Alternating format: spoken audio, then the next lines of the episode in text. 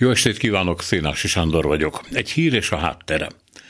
Az orosz tizedik és tizenegyedik osztályosok új történelemkönyvet kaptak. Az ilyen alkalommal mindig előkeveredő híres kelet-európai kérdésfeltevés, hogy na nézzük, hogy vajon mi lesz tegnap, mindig izgalmas, de semmi ahhoz képest, hogy mi volt ma, a holnap tegnapján. Ma pedig, kedves tanulói fűság az volt, hogy nagyelnökünk Vladimir Vladimirovics egy speciális operáció keretében elment Ukrajnába, és egy szálig kiirtotta a nácikat. Ugyan az operáció még nem ért véget, de azért győztesen befejeződött. Az ukrán Hitlerájnak annyi, illetve annyi lesz, tehát már volt is. Azért a Medúza nevű független orosz hírportál néhány történettel kisé árnyalja ezt a képet, mármint azt, hogy a náci előfordulás melyik oldalon mutat erősebb elszíneződést. Itt van mondjuk Anton Rejewski, orjoli orosz gyerek, borotvált fej, a vállán Hitler tetkó, a mellén a harmadik birodalom jele, alsó karján a Buchenwaldi koncentrációs tábor főkapujának felirata, ki mit érdemel. Rajewski csendes gyerek volt, a vallás korán megérintette, de azért iskolában a hátsó padban ülve főleg Hitler Mein Kampfját bújta. 2022-ben három ultranacionalista csoportot is kipróbált, legjobban azt Csornaja Szotnya, vagyis a fekete század tetszett neki, ami antiszemita is volt, meg monarista volt, és ortodox is volt.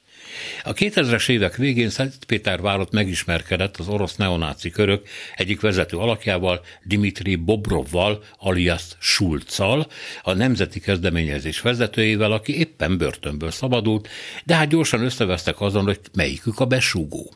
Rajewskinek speciál évek óta ez volt a híre Oriolban, a rendőrök szemben más útrákkal őt sosem zaklatták, de maga is hivatkozott titkosszolgálati kapcsolataira. 2014-ben az Odeszkaja Druzsina nevű odesszai ultra szervezet képviseletében harcolt a Donbassban, aztán állatvédő lett egy kicsit, majd 2022 áprilisától megint harcos az ukrán nácik ellen.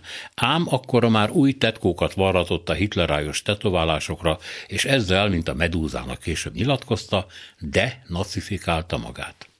Ami azért el is várható egy náci ölőtől, a kettő együtt azért furcsa lenne. Vagy nem? Alexei Milcsakov, az orosz nevű formáció vezetője, aki szintén harcolt Ukrajna ellen, például nyíltan nácinak nevezte magát, de hát egy orosz náci nyilván más minőség, mint egy proli ukrán. Milcsakov szervezetének tagjai egyébként a horogkeresztet utánzó jobboldali extremisták által igen kedvelt napcimbólumot viseli. De ne feledjük Jan Petrovskit sem, akit a norvég hatóságok egy évvel korábban elkaptak, mert tetováló szalonjában a Vyacheslav Dacsik nevű neonáci fegyvereit rejtegette. Már most Milcsakov és Petrovski később együtt vezették az orosz, és együtt harcoltak a Batman nevű náci alakulattal, a Dolganov vezette Ruszki Sztyak csoporttal, illetve az orosz imperialista légióval, amit az USA és Kanada terrorista csoportként határozott meg. Van persze még más példa is, mert azért nácinak lenni sem olyan egyszerű mondhatni, nem egy fákjás menet, amíg az ember ki nem találja, hol van az ő igazi hazája. A Nemzeti Szocialista Társaságot alapító Belarus Bocman Korotkich például csak helyet változtatott nézetet nem. Így az eredendően oroszok látogatta szervezete összeomlása után belépett az ukrán náci Azov ezre tagjai közé, és ma több nemzeti szocialistával együtt az oroszok ellen harcol. Na tessék, mondja erre a tizedikes orosz iskolás, aki felüti fejét az új történelemkönyvéből. Ez a Korotkich ez így álhatatlan alak, aki nem az erő igazságát választja, hanem az ostoba érzelmeit. Látszik, hogy csak egy belorusz. Már majdnem ukrán. Nem orosz.